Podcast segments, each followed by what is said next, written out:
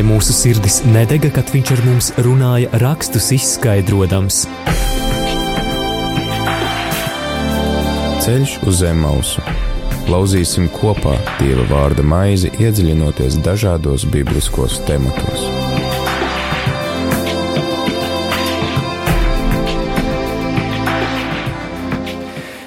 Esiet sveicināti ceturtdienas vakarā, ir 22. marts, atkal tiekamies raidījumā, kas veltīts svēto rakstu iepazīšanai, sadarbībā ar dažādu konfesiju kristiešiem. Mans vārds ir Māris Veliks, bet pirms es stādu priekšā šī vakara raidījuma viesus, jā, šoreiz tie būs vairāki, Vēlos pastāstīt, ka šoreiz raidījums būs kā atbilde tiem no jums, dārgie klausītāji, kuri pirms kāda laika vairākos citos radio Marija raidījumos esat interesējušies par dažādajiem svēto rakstu izdevumiem latviešu valodā, piemēram, ar ko tie atšķiras, un arī ir bijis jautājums, vai ir vērts lasīt dažādās valodās, Tas nozīmē, ka daudziem no jums jautājumi, kuri tiks aplūkoti šovakar raidījumā Ceļš uz Emmausu, ir svarīgi. Tādēļ paliec kopā, jo esmu pārliecināts, ka turpmākās 50 minūtes būs vērtīgs ieskats tajā, kāda īsti svētie raksti no oriģināla valodām nonāk līdz tevim tavā dzimtajā valodā. Un šajā vakarā priecājos studijā sveicināt mūsu raidījuma viesus. Latvijas Bībeles biedrības ģenerālsekretārs un Latvijas Universitātes teoloģijas fakultātes profesors Valdis Tērautkalns, sveicināti! Labdien.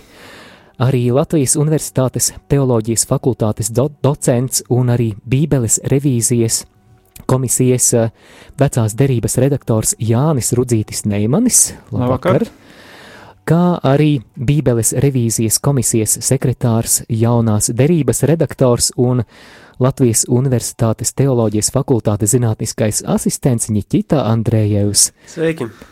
Sveiki! Klausītāji, aicinu tevi izmantot izdevību un šī raidījuma laikā uzdot viesiem jebkuru jautājumu, kas saistīts ar, piemēram, Bībeles tulkošanu, Bībeles versijām un arī citus saistītus jautājumus. Un eh, šī raidījuma laikā vēlamies arī veikt nelielu klausītāju aptauju, tātad uzmanību jautājums tev klausītāji šajā vakarā ir šāds. Kādu bībeles versiju lieto tu? Kādu tulkojumu tu lasi un eh, vai tu varbūt lieto arī bībeles aplikāciju savā vietā runī? Ļoti priecāšos, ja tu dosi mums kādu ziņu, tādēļ raidījuma sākumā atgādināšu kontaktinformāciju vari rakstīt mums īsiņas uz numuru 266, 77, 272, atkārtošu numuru vēlreiz, 266, 77, 272. Raidījuma otrajā pusē arī gaidīsim jūsu telefona zvanus. Kontaktinformāciju atgādināšu vēlāk, bet mūsu e-pasts joprojām ir studija at rml.lv.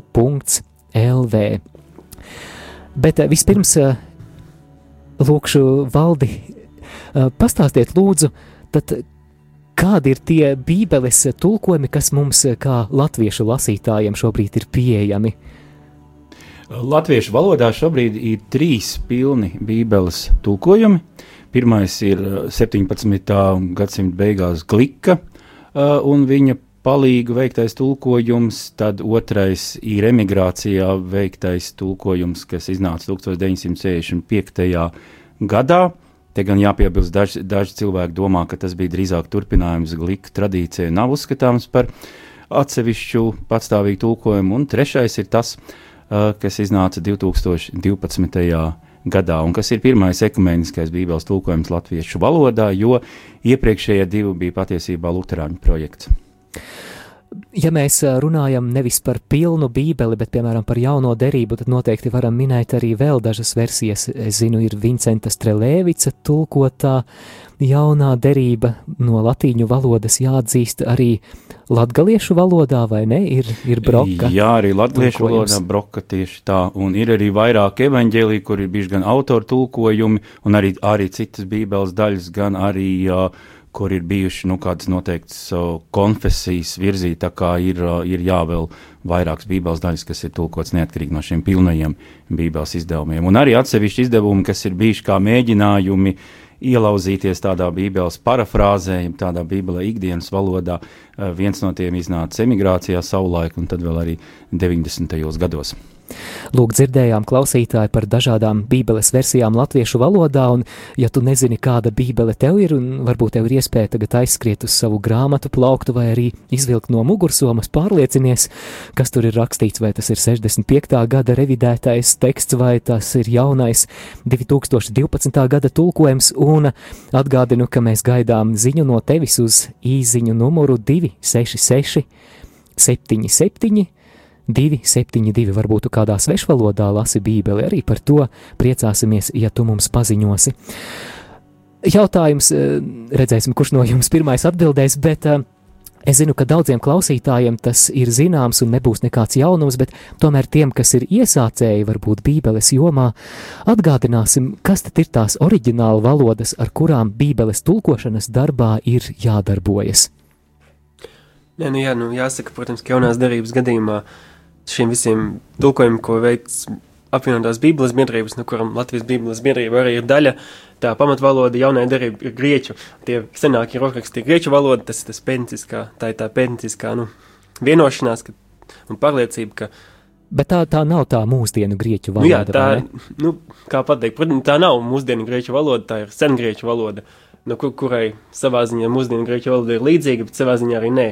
Tā kā nevarētu tas nevar, zinot mūsdienu grieķu valodu, saprast arī sengrieķu, un otrādi arī nesanāks. Jo, ir mainījušies ne tikai, ne tikai gramatika, bet arī uh, tā, kā, kā, kā tu valodu lasa, bu, nu, burtus lasa savādāk. Bet, Kaut arī tas nu, alfabēts ir palicis tas pats. Arī, cik man zināms, tā nav tā klasiskā sengrieķu valoda kā Ilijādā un Odisejā, bet koinē vai ne, tas jau tas helēnisma laikmets. Nu jā, tas, tas ir, es nezinu, kā tu, kā tu vari salīdzināt kaut ko, uh, kaut ko mūsdienīgu, bet, nu, pieņemsim, varētu domāt, ka ir tāda klasiska angļu valoda vai ne, un ir, ir tāda, piemēram, amerikāņu angļu, vai, angļu valoda vai mūsdienu angļu valoda, un tā kā nebūtu kaut kas līdzīgs, varbūt kaut arī patiesībā, nu, tulkojot un darbojoties, tulkotāji bieži vien, nu, viņi nevar izmantot tikai kaut kādu to, ko nē, viņi atsaucas arī uz, uz to, kā klasiskajās valodās, klasiskajā grieķu valodā kaut kas tiek tulkots un izmanto visu kaut kādus materiālus, jo daž, daļēji tas, ko, ko nē, tas ir tāds arī pētnieciskais priekšstats, kad ir tāda noslēgtā, ko nē, grieķu valoda, kas noteiktā laikā veidojas, bet arī tiek izmantot dažādu grieķu valodas slāņu materiālu, lai to visu tulkotu. Jā, tas par jauno derību, Jā. un savukārt vecās derības tulkoja, veco derību tulkojot, mēs strādājam ar kādām valodām? Uh, pamatā, protams, strādā ar senebreju valodu, lai gan, nu, ir atsevišķi panti arī aramiešu valodā, Un, ja skatāmies plašāk veco derību ar detakanoniskām grāmatām, tad, protams, tā ir arī grieķu valoda, sengrieķu valoda attiecīgi.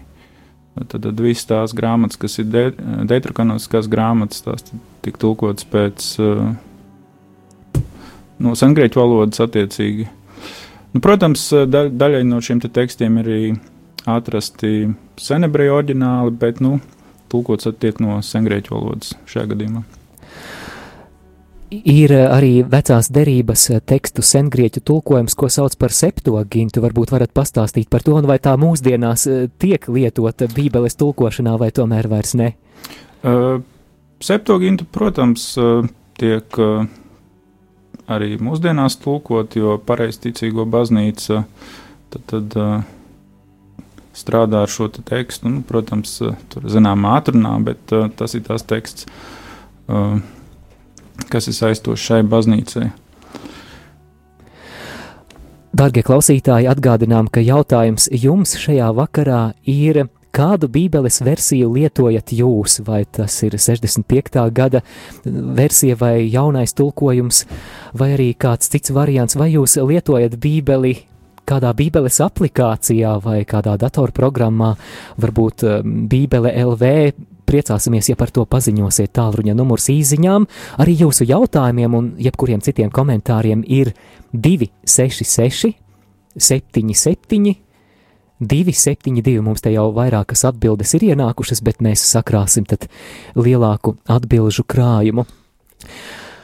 Man ļoti patīk, piemēram, vietāluņa Bībeles aplikācijā salīdzināt jāsaka, ļoti daudzos bībeles tulkojumus angļu valodā, un eh, tas, kas mani pārsteidz, cik atšķirīgas ir šo tulkojumu pieejas. Mēs redzam gan tādus ļoti strikti burtiskus, ja tā var teikt, vai tulkojumus, kuros uzsvars ir uz tādu burtisku oriģinālu tekstu atveidojumu kādā citā valodā. Savukārt otrā spektra galā es redzu, ka ir arī ļoti brīvi tulkojumi vai parafrāzes, piemēram, Message Bible nāk prātā, kas ir tāds mēģinājums Bībeles tekstā ietvert to domu izteikt mūsdienu cilvēkam saprotamā valodā, varbūt varat vairāk pakomentēt par šīm dažādajām daudzveidīgajām tulkošanas pieejām. Nu, tas ir saistīts ar to, ka, ka lasītāja auditorija ir ļoti daudzveidīga mūsdienās, un arī tikpat daudzveidīgi ir to cilvēku mērķi, grupa mērķi, kurus vēlas tulkot Bībeli. Un, un tā tad tieši tā būs cilvēki, kur, kur gribēs pēc iespējas tuvāk oriģinālam, bet tad zūd tā saikne ar mūsdienu auditoriju, mūsdienu valodu.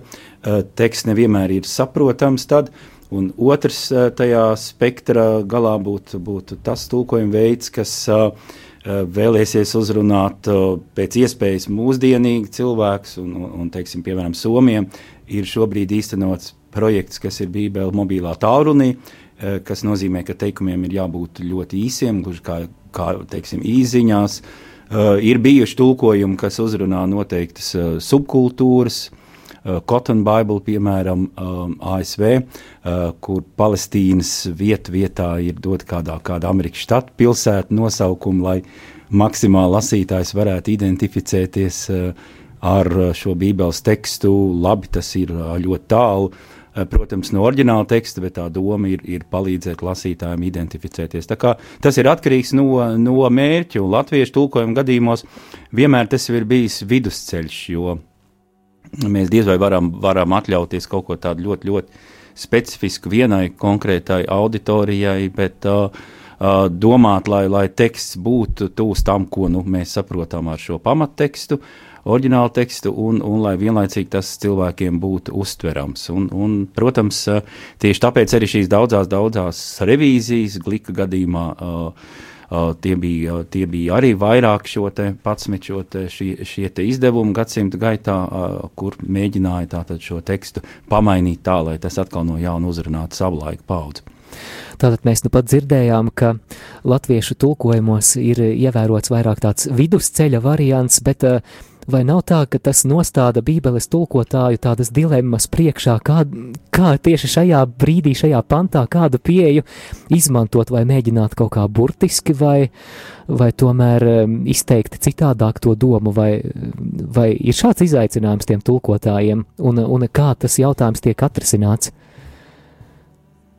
Nu, protams, tāds izaicinājums droši vien ir jebkuram tulkotājam, jebkuru tekstu, kad tajā brīdī, kad, kad nevar pat taisnība pieņemsim pārcelt kādu idiomu vai kādu izteikumu, nu, manā gadījumā grieķu, grieķu valodā, un, un, protams, ka gribās no vienas puses sevišķi, nu, man pieņemsim kā tulkotājiem, man ļoti fa fascinē grieķu teksts, un man patīk tieši tie izteikumi, kas tajā ir lietoti, un uh, patīk, kā tas ir izteikts, man liekas, ka tas ļoti zīmīgi, ka tas tādā veidā tika pateikts, un, bet tas var būt cilvēkam, kas nav, uh, pazīstams ar šo tekstu, vai mm, vēl jau vairāk ar grieķu valodu, būtu kaut kas pilnīgi nesaprotams. Un līdz ar to nu, man liktos, ka pareizais ceļš šeit būtu tomēr tajos gadījumos, ka tas nav pilnīgi saprotams, izvēlēties to, kas, kas būs pieejams lasītājiem. Jo Jā. Tas tiek veidots priekš lasītājiem, nevis priekš uh, pētniekiem, kas grib savu tādu uh, izteikumu muzeju sakrāt vai tādu valodas, valodas skaistumu baudīt. Drīzāk tomēr tas būtu saprotams.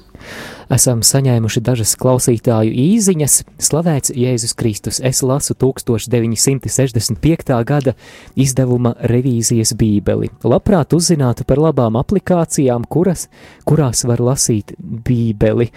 Uh, varbūt kāds uzreiz tā uz sitienu var ieteikt kādu aplikāciju.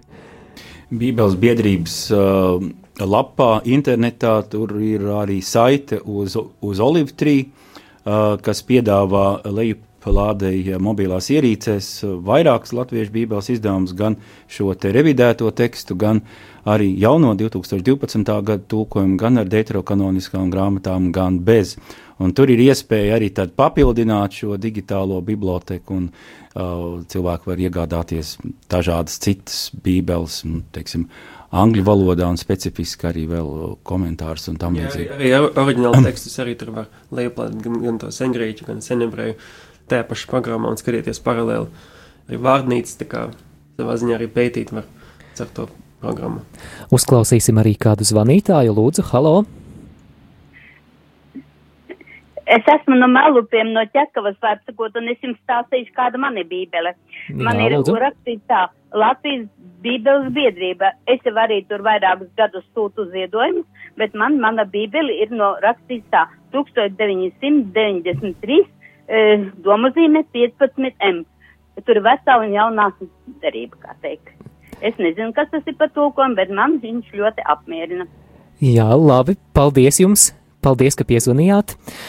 Atgādinu klausītāji, ka jūs varat arī dot mums ziņu par to, kādu Bībeles versiju lietojat jūs, rakstot īsiņu uz numuru 266, 77, 272. Lūk, arī kāda īsiņa pienākusi, es lasu jauno Bībeles tulkojumu. Man vēl viens jautājums. Mums šobrīd nav pieejami Bībeles grāmatu oriģināli teksti, proti tajā ziņā, ka mums nav to manuskriptu, kuri būtu rakstīti ar apustuļa Pāvila vai pravieša Jeremija roku. Kā šie teksti ir nonākuši līdz mums un ar kādiem tekstiem tad strādā Bībeles tulkotāju komanda un ir strādājušas šeit Latvijā pie, piemēram, pie jaunā tulkojuma? Uh, teksta ceļš eh, līdz mūsdienām ir eh, ļoti sarežģīts eh, tādā ziņā, ka, ja runā par tā laika pirms Kristus un pēc Kristus, tad šo laikmetu, tad nereti runāt par jūdaismu lietoja dažādas jūdu grupas, dažādas tekstus, piemēram, uh, tie jūdi, kas dzīvoja diasporā, tie lietoja, orientējās teiksim, pēc septogintas, jo viņas dzimtā valoda nereti bija grieķu valoda. Tie, kas dzīvoja attiecīgi Palestīnas teritorijā, tie lasīja senebreju valodā. Tāpēc tas ceļš uz teksta tādu unificēšanu, tā varētu teikt, bija diezgan ilgs, un arī tur notika savā laikā nopietnas diskusijas, un tās ir aprakstīts Talmudā, kur ir šie strīdi par atsevišķu grāmatu, teiksim, svētumu. Tad vai var pieskarties vai nē, vai grāmatas padara šķīsts, rokas padara nešķīst šķīsta grāmatas vai nē. Un tad, kad notika šī vienošanās, kuras grāmatas un kādas mēs uzskatām par kanoniskām, tad nākamais jautājums, protams, bija par šo te pašu tekstu, par viņa uh, konkrēto rakstisko, tekstuālo saturu, uh, kuras variants mēs iekļājam un kuras nē. Un arī šis process bija vairākus uh, gadsimtus ilgs. Uh, uh, tā saucamais masurētu teksts tika uh, izvirzīts par. Um, Tas ir vecās derības, jā. jā. Mhm par tā, to, ko uzskatīja par tālāk uh, reproducējiem. Protams, pastāv arī citas tradīcijas uh, ar minimālām atšķirībām, bet nu, tas ir tas teksts, pēc kura jā, arī orientējamies, arī tulkojot uh, vecās darības tekstu, šis te masurē teksts. Uh, tā salīdzinājumam uh, 20. gadsimta vidū atklāja Izraels teritorijā, tas saucamais kumrāns rokraksts, un uh, tie dod tādu labu ieskatu aptuveni ap Jēzus dzīves laiku, kāds šis te teksts izskatījās, kā viņš uh, tika pārakstīts un uh, kādas varētu būt atsevišķos gadījumos arī šīs atšķirības no tā teksta, ko mēs tagad pazīstam. Bet, nu, kopumā varētu teikt, ka uh, uz to laiku jau teksts, teksts ir lielos vilcienos tādu, kādu mēs viņu pazīstam, protams, ar zinām atšķirībām. Tātad mūsdienās Bībeles tulkotājiem ir iespējami, ir pieejami arī kādi mm, zinātniski izdevumi ar kritisku aparātu, kur šie manuskripti tad ir, mm, caur šiem manuskriptiem ir rekonstruēts tas iespējami tuvākais teksts, vai, vai tā varētu sacīt? Nu, mēs varam izsekot jā, diezgan tālu līdz kādam otram, trešam gadsimtam pirms Kristus, kā, kā šie te teksti izskatījās. Nu, tālāk, diemžēl, pagrūtāk ir, bet ap to laiku, jā, mēs varam teikt, ka nu, tāds plus-mínus priekšstats var rasties par šī te teksta attīstību. Uh, Jā, paldies. Mums ir arī kāds telefona zvans. Lūdzu, halo! Lūdzu, halo, varat runāt? Vai jums ir kāds jautājums raidījuma viesiem? Jā, nu klausītājs klusē, bet varat mēģināt pēc kāda brīža zvanīt eh, vēlreiz. Dodamies nelielā mūzikas pauzē un pēc tam atgriežamies ēterā. Atgādinu, ka šajā raidījumā Ceļš uz Emmausu šovakar runājam par dažādiem bībeles tulkojumiem, dažādām bībeles versijām, par pašu procesu, kā no oriģināla valodām bībele nonāk līdz mums. Un atgādinu, ka gaidām arī joprojām jūsu atbildes uz mūsu aptaujas jautājumu, kādu Bībeles versiju lietojat jūs. Tālruņa numurs ir 266, 77, 272, kā arī aicinu izmantot izdevību un uzdot mūsu raidījuma viesiem jebkuru jautājumu, kas ir saistīts ar Bībeles versijām vai tulkošanu.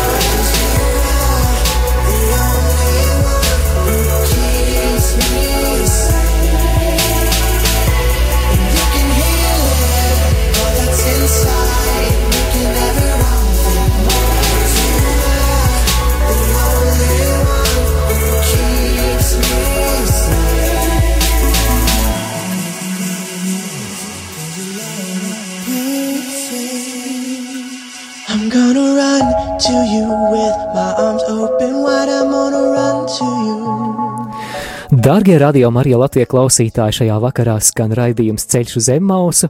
Šajā raidījumā mēs turpinām runāt par dažādiem bībeles izdevumiem, tulkojumiem un par pašu tulkošanas procesu. Un um, prieks arī par klausītāju aktivitāti. Te mums klausītāji ziņo par to, kādu bībeli tad viņi lieto. Te kāds no klausītājiem raksta, ka es lasu 1900. 65. gada izdevumu, kuru saņēmu alfa kursā. Tad vēl kāds klausītājs raksta, es lietoju Olive Tree Latvijas Bībeles biedrības tulkojumu ērti, ka var nopirkt vienreiz, bet ielādēt vairākās ierīcēs. Un atsauksme, ka ir laba. Lūk, tā mums raksta kāds no klausītājiem. Vēl kāda īziņa. Labvakar, es lasu Bībeli Krievu valodā. Briseles izdevums 1975. Tā mums raksta klausītāja Inese. Paldies jums, Inese! Slavēts Jēzus Kristus, mūsu kunga Jēzus Kristus jaunā derība no latīņu tulkojas Vincents Strelēvits 1995. gadā tieši šis konkrētais izdevums, kā arī Lidija to mums raksta, un viņa lieto arī 65. gada revidēto izdevumu. Mums ir vēl dažas īsiņas, bet ar tām mēs turpināsim pēc brīža. Atgādinu, ka, ka klausītāji tu arī vari iesaistīties ēterā un padalīties, kādu Bībeles versiju lieto tu. Un arī, ja tev ir kāds jautājums par tik daudzējādajiem un dažādajiem Bībeles tulkojumiem, tad droši raksti mums īsiņu uz numuru 266, 77, 272. Un paldies arī Annas kundzei no Aglonas puses, kura mums Kamēr skanēja dziesma, zvanīja un sacīja, ka viņa lieto 1933. gadā izdoto Bībeli, proti jauno derību, latgaliešu valodā.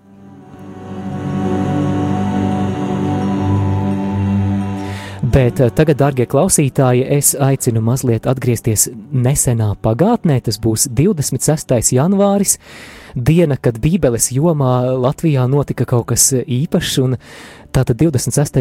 janvārī sanāca kopā Bībeles revīzijas komisija, un uh, mēs tulīt arī noklausīsimies kādu nelielu reportāžu no 26. janvāra, un tad arī par to vairāk parunāsim ēterā. Nu tā, es varbūt pastāstīšu par pašu projektu. Uh, proti, tas ir apvienoto Bībeles biedrību atbalstīts projekts, finansiāli atbalstīts projekts, kur ilgums uh, būs trīs gadi.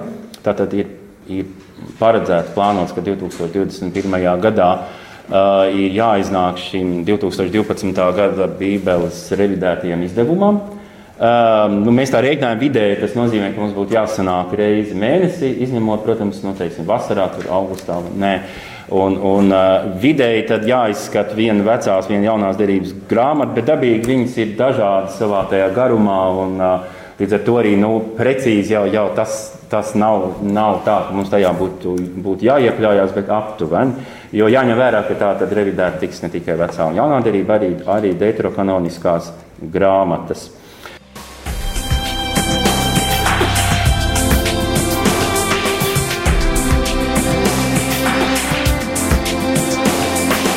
Ceļš uz zem mausu katru ceturtdienu, pulkstens 17.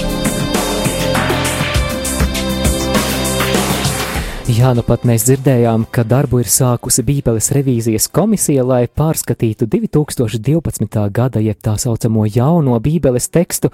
Valdi, jautāšu jums, kāpēc šāda Bībeles revīzija ir vajadzīga, jo man pašam vēl ir tā sajūta, ka šis jaunais tulkojums ir tāds eh, gandrīz vai karsts mūsu rokās un plauktos nesen iznācis. Nu, tam ir vairāki iemesli. Pirmais no tiem, kad, lai arī relatīvi nesen iznāca šīs pilnais Bībeles izdevums, tiešām 2012. gadā, tad uh, daļa tulkojumu, kas tur bija iekļauti, viņi jau tika pabeigti 90. gadu otrajā pusē, tāpēc, ka jāceras, ka pats, pats projekts sākās 1996. gadā. Otkārt, tulkošanas tradīcijā bija pārāvums.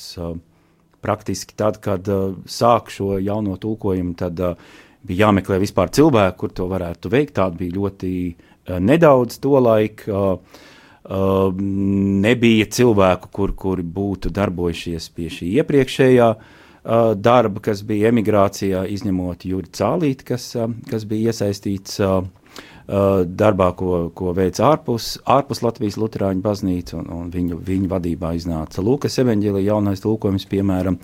Uh, un, un arī vēl viens iemesls tas, kad, uh, protams, kad jebkurš tulkojums ir, ir nepilnīgs un vienmēr ir kādas gramatiskas kļūdas pamanītas, arī tāpat arī viedokļi var būt dažādi un viņi mainās gan pašiem tulkotājiem, gan cilvēkiem, kur šo gadu gaitā ir iesūtījuši savus, savus ieteikumus.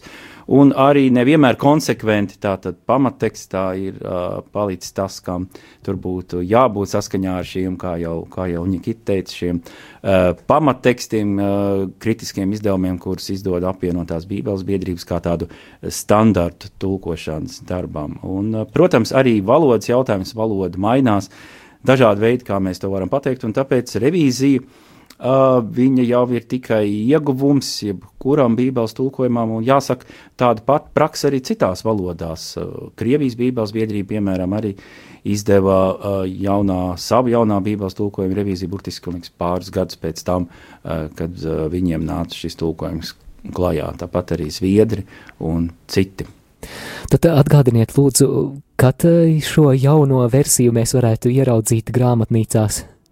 Nu, šobrīd plāns ir, ka tas varētu būt 2021. gadā, bet jārēķinās ar šādu mērogu projektu. Tur, protams, ir iespējams kaut kādas nobīdes, bet nu, patreiz plāns ir, ka tas būtu 2021. gads. Kā notiek šis Bībeles revīzijas komisijas darbs? Uh, nu, mums ir, ir, ir virkni jau, jau sakrājušies šī ieteikuma, un cilvēki tos arī sūta, sūta uz e-pasta, sūta vēstulēs, citā formātā. Uh, tad tos izskata redaktori, abi, kur, kur šeit sēž blakus man. Uh, tad pēc tam ir, ir otrie redaktori, uh, kuri pārskata viņu šo, te, šo te veikumu. Uh, un tad pēc tam komisija, kurā ir uh, praktiski gandrīz visu uh, Eh, Latvijā mm, pārstāvēto kristīgo konfesiju pārstāvji, eh, kuri tad savā starpā diskus, eh, diskutē. Tas ir tāds demokrātisks process, kurā nav, nav kaut kāds viens noteicošais cilvēks vai tāda šaura cilvēku grupa, kur par to, to lems. Tas nebūs un nav. Mūsdienās nevar būt kaut kāda viena cilvēka vienkārši projekts un tulkojums. Šajā Bībeles revīzijas darbā cik tālu esat tikuši? Ja, nu šobrīd mums ir bijušas divas sēdes, un uh, jaunās derības ziņā mēs esam izskatījuši ieteikumus par Mateja evaņģēliju un, un arī pievērsušies Marka evaņģēlijam, un liekas, ka esam pabeiguši pirmo mūzes grāmatu. Jā, vecās derības gadījumā, jā, pirmā mūzes grāmata, kas, nu, būtībā 50 nodaļas, kas, nu, arī atbilst Marku un Mateja evaņģēlija apjomam. Varbūt varētu sniegt kādu nelielu ieskatu un priekšstatu klausītājiem, cik tad uh, lielā mērā šīs izmaiņas ir ietekmējušas šo tekstu, un, un varbūt kādi piemēri ir, kā tas ir skanējis šajā 2012. gada izdevumā, un uh, kas ir gaidāms uh, jaunajā? Varbūt ar veco derību sāksim, Jāni, lūdzu. Nu, jāsaka tā, ka pārsvarā tie ieteikumi kaut ko labot, vismaz līdz šim nav tā ļoti radikāli, tās varbūt tādas nelielas uh, korekcijas jau esošajiem variantiem. Arī es skatījos, kad uh, uh, tulkojot varbūt uh, kaut kādā 97. gadā vai 2001. gadā, uh, cilvēki neaizdomājas par kaut kādām sabiedrības uh, izmaiņām, attieksmē pret kaut kādu notikumu, un viens otrs izteikums varbūt skan tā pietiekami jocīgi šajā kontekstā. Bet kopumā jāsaka tā tādi ļoti radikāli mm, ieteikumi nav šajā gadījumā. Varbūt kāds vārds vai labskanīguma dēļ ir ieteikums tekstu mainīt, jo mēs tad saņemam šo atgriezenisko saiti un redzam, kas cilvēkiem nav skaidrs, lasot šo tekstu. -hmm. uh, nu viens varbūt tāds piemērs, ko es uh, tūlīt atradīšu, bija piemēram par uh, uh, Jēkabu un Īzaku, piemēram, pirmā mūzes grāmata 27, 27. Uh, 2012. gada tulkojumā ir tas pienācis tuvāk, un viņš to noskūpsti un savot tā drēbes maržu. Un var redzēt, ka tekstā nav īsti skaidrs, uh, uh, kurš uh, pienāca klāt un kurš noskūpsti un kurš savot drēbes maržu. Un tad tulkojumā tad, tagad ieteica labot, uzsverot, jēkabs pienāca tuvāk un noskūpstīja, viņš savoda tā drēbes maržu, tad lai būtu šis viennozīmīgums, tekstā nerastos pārpratumi. Un tāda daudz arī tagad uz nākošo sēdi.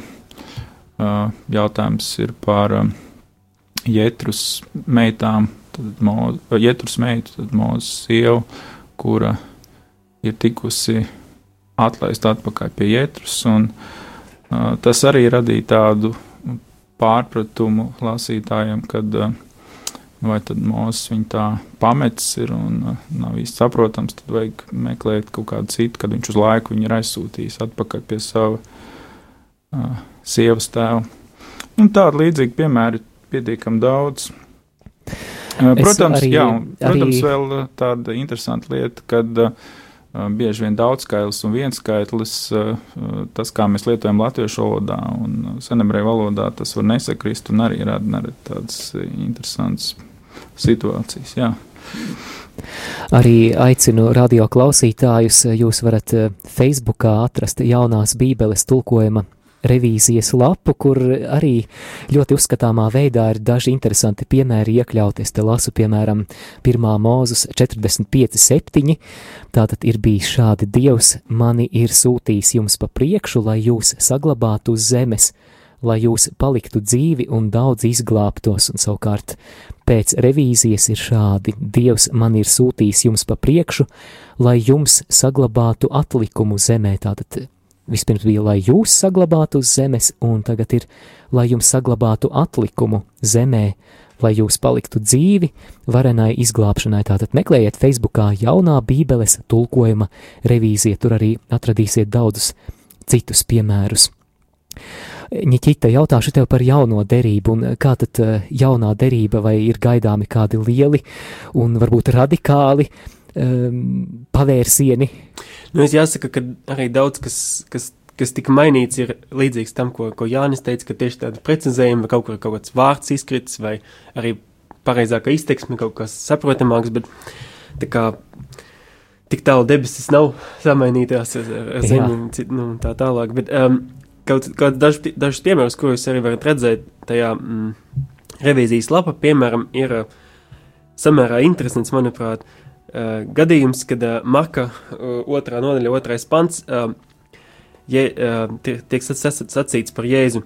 Tik daudz ļaužu sapulcējās, ka pat durvju priekšā vairs nebija vietas, un viņš runāja uz tiem.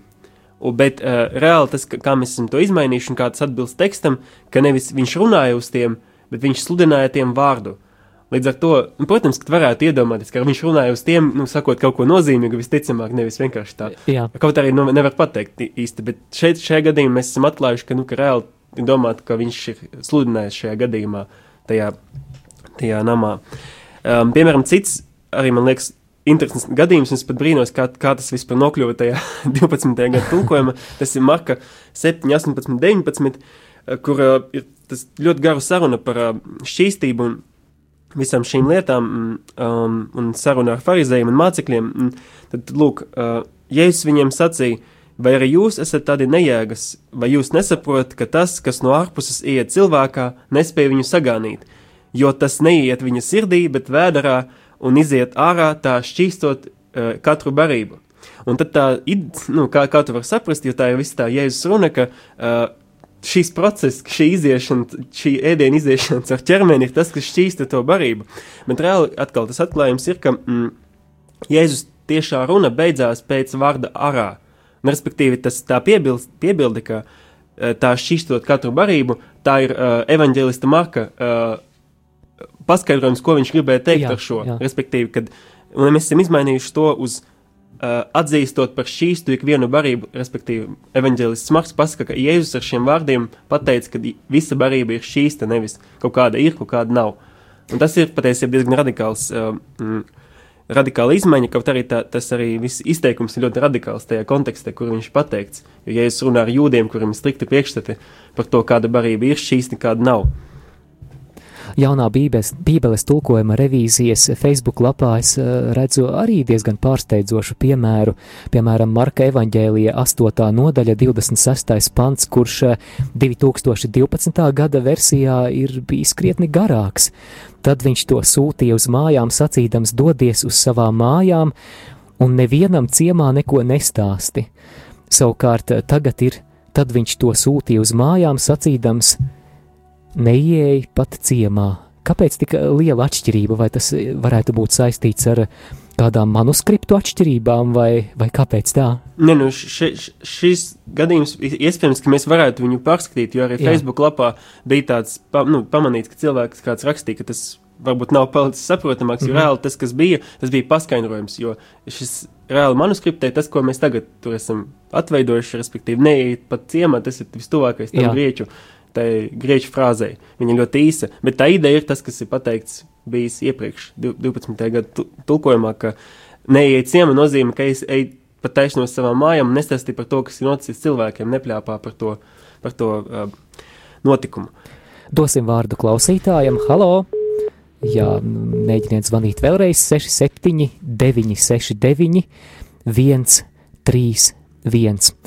Nikita, kas vēl piebilstams, varbūt kas tāds e, interesants šajā revīzijā jā. līdz šim arī bijis? Nu, es varētu pat vēl vienu, kas, kas nav pagaidām bijis tajā lapā, bet um, jā, gadījumā tajā, tajā stāstā, kad, kas ir uh, jaunajā Bībeles tulkojumā Marka evaņģēlijā. Mm, 4. nodaļā, mm, kur Jēzus, kas ir nosaukts Jēzus apsauc vētru, um, 41. pantā, 441, ne, 440, piedošana, uh, un viņš tiem sacīja, kādēļ esat tik bailīgi, vai jums vairs nav ticības, un uh, tas, kas atkal tika atklāts, ka uh, patiesībā tas, tas nav vairs, bet vēl. Nevis, nevis viņš pamet viņiem, ka viņi, ka viņi ir pazaudējuši ticību, bet to, ka viņi vēl nav to pie tās nonākuši patiesībā. Vai jūs vēl nav esat, esat ieticējuši? Līdz ar to mēs esam mainījuši to vairs uz vēl šobrīd, un tāpēc tā ir diezgan tāda zīmīga pārmaiņa tomēr. Mm, ja viņš nenosod viņu tā teikt, nu, kaut kādu ticības pazaudēšanu, bet drīzāk to, ka viņi vēl nav, nav palikuši pilnīgi savā ticībā. Klausītāji jau ir iesūtījuši dažus jautājumus, uz tiem mēs atbildēsim pēc īsas mūzikas pauzes, bet vispirms eh, klausītāji vēlos atgādināt par iespēju iesaistīties ēterā gan ar telefona zvaniem, numurs ir 67 969 131, bet uh, savus komentārus, pārdomas vai jautājumus, neskaidrības īziņas formātā varat sūtīt uz numuru 266 77 272 atgādinu arī par aptaujas jautājumu, kādu bībeles versiju lietojat jūs. Tālruņa numurs īsiņām 266 77 272.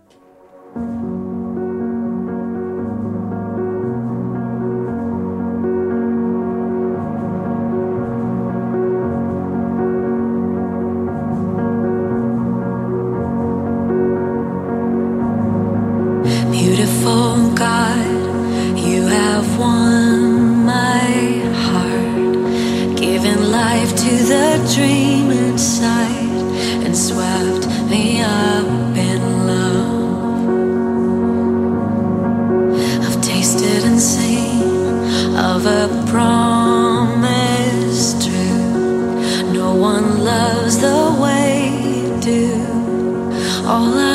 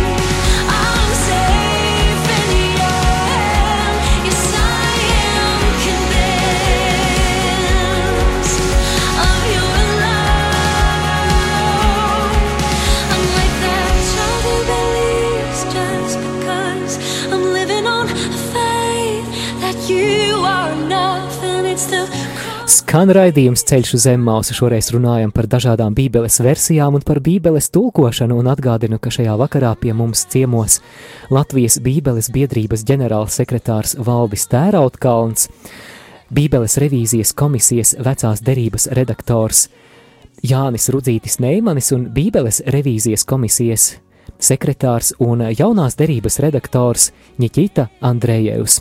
Atgādinu, ka savus jautājumus varat sūtīt īsiņas veidā uz numuru 266 77 272 vai arī piezvanot uz studiju uz numuru 67 969 131. Ja kādas garākas pārdomas vai jautājums, tad droši varat izmantot arī mūsu e-pasta iespēju studija at rml.com LV. Paldies arī tiem klausītājiem, kuri jau ir paguvuši atbildēt uz jautājumu, kādu Bībeles versiju viņi lieto, un te kāda īziņa skan šādi. Ja par kādu svēto rakstu vietu šaubos, pameklēju, kā tas skan citās Bībelēs. Kopumā lietoju trīs redakcijas un vēl krievu, pareizticīgo variantu. Varbūt kā jūs komentētu, vai tiešām šāda dažādu versiju salīdzināšana mums ļauj gūt pilnīgāku priekšstatu par to, kas šajā tekstā ir ietverts?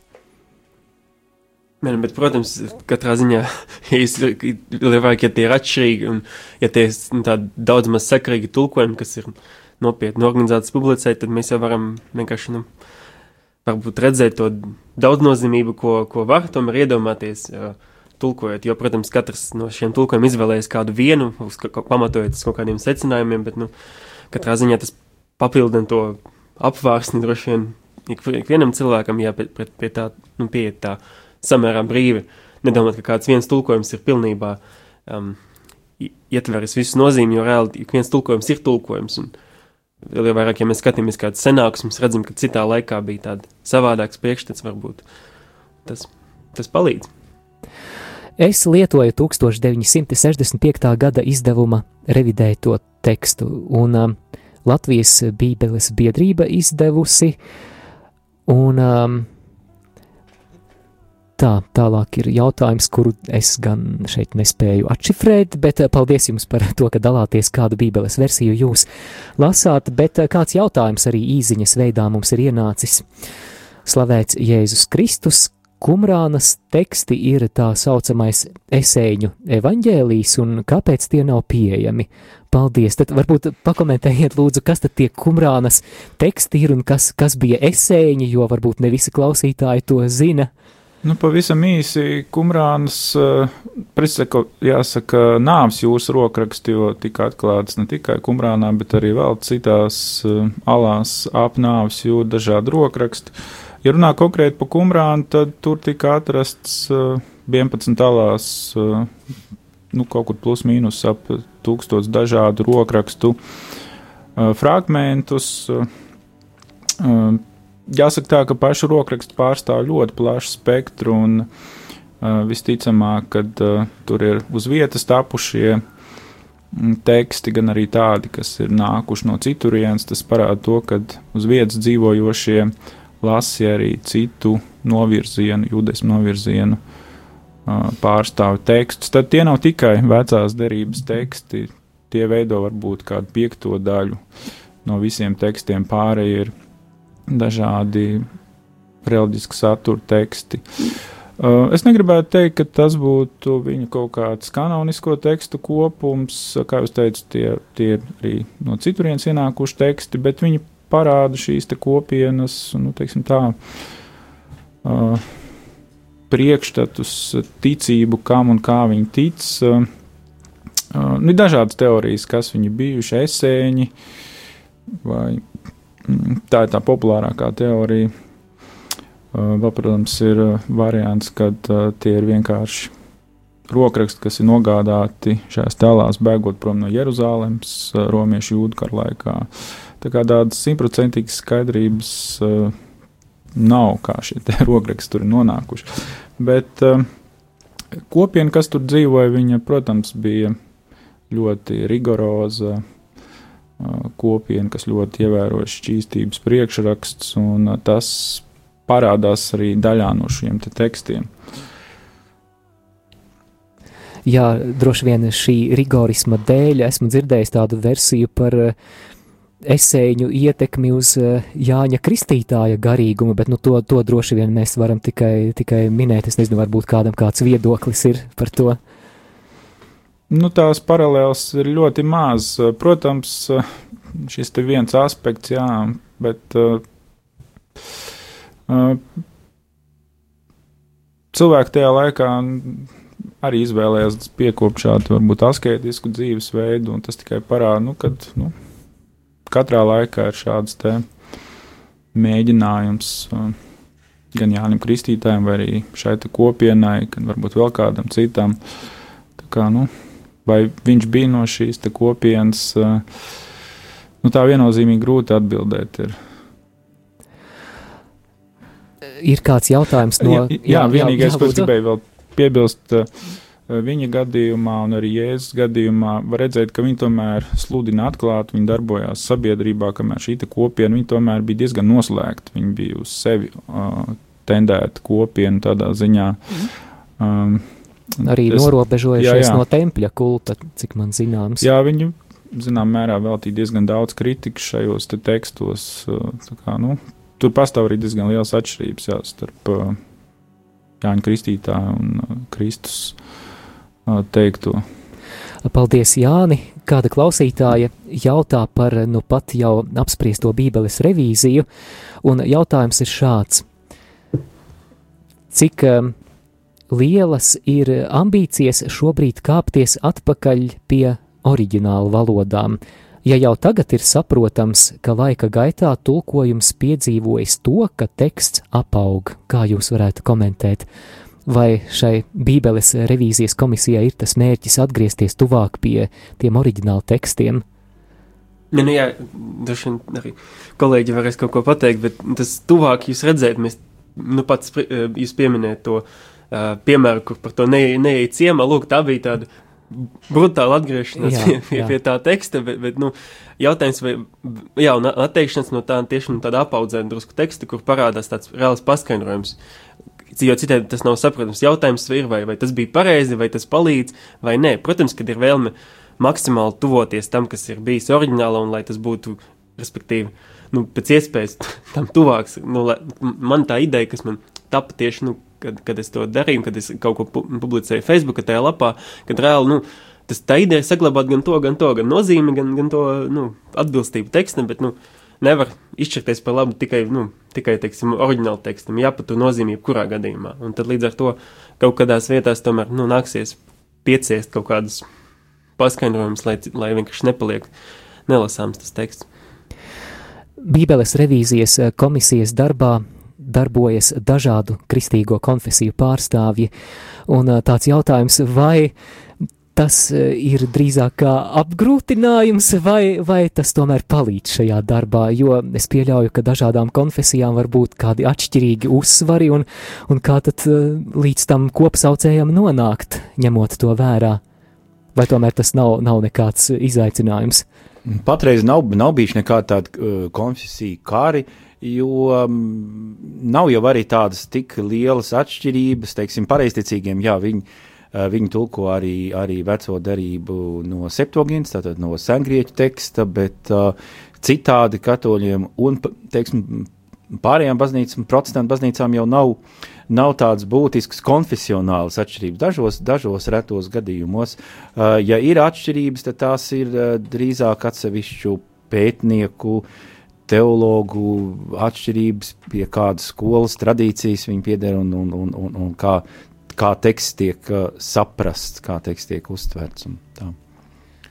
Valdi, kādas uh, ir vēl pēdējā laikā Latvijas Bībeles biedrības galvenās aktualitātes, varbūt kādi pasākumi tuvākajā laikā gaidāmi, vai, vai arī visa uzmanība tieši šobrīd tiek koncentrēta uz Bībeles revīziju?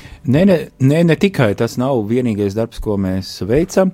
Uh, burtiski jaunedēļ klajā nāks grāmata Bībele īsumā, uh, kas ir tulkojums no angļu valodas, uh, un uh, tas ir tāds īss. Uh, ievads Bībeles eh, grāmatās, un uh, tas palīdzēs īpaši jauniešiem, īpaši cilvēkiem, kur grib iepazīt uh, Bībeli, varbūt pirmo reizi iepazīt. Tāpat arī šogad mēs turpināsim sēriju, ko mēs esam iesākuši jau, kur mēs, kur mēs izdodam pirmo gadsimtu kristiešu tekstus, kas ir palikuši ārpus Bībeles kanona, un, un nākamais uh, darbs ir Pāvila darbi, kas, kas ir Nikits uh, tulkojums, un pirms tam ir iznācis Toma evaņģēlijas, Filipa evaņģēlijas, Bārnabas vēstule, citi, citi teksti. Un, un, un tas ir pir, pirmo reizi patiesībā, kad latviešu lasītāji tiek iepazīstināti ar šo daudzveidību un lielo bagātību, kāda ir uh, pirm, pirmkristietības dažād, dažādās versijās. Un, uh, tāpat arī uh, mēs turpinām Bībeles dienu projektu, kur mēs braucam pie draudzēm, kur mēs stāstam gan par Bībeles revīziju, gan, gan arī vispār par to, ko mēs uh, darām. Un mēs šogad turpināsim arī uh, dažu vecās derības grāmatu audio ierakstu, uh, kas arī būs pieejams mobilajās ierīcēs. Un, un tādā veidā uh, klausītāji, kur varbūt daudz brauc automašīnā vai arī uh, uh, kuri uh, nevar uh, lasīt iespiestu tekstu, nu, viņiem tas būs, tas būs pieejams šādā veidā audio formātā. Un mums šogad arī ir uzsākts uh, projekts, kas ir uh, uh, zīmju valodā kulmējumiem cilvēkiem, un tas būs Marka evaņģēlis. Sirsnīgu pateicību šajā vakarā saku Latvijas Bībeles biedrības ģenerālsekretāram Valdim Tērautkalnam, arī Bībeles revīzijas komisijas vecās derības redaktoram Jānim Rudzītim Neimanim, kā arī Bībeles revīzijas komisijas jaunās derības redaktoram Nikitam Andrējevam. Paldies, ka bijāt kopā ar mums raidījumā Ceļš uz Emmausu. Ar jums šajā vakarā biju kopā arī es, Māris Veliks.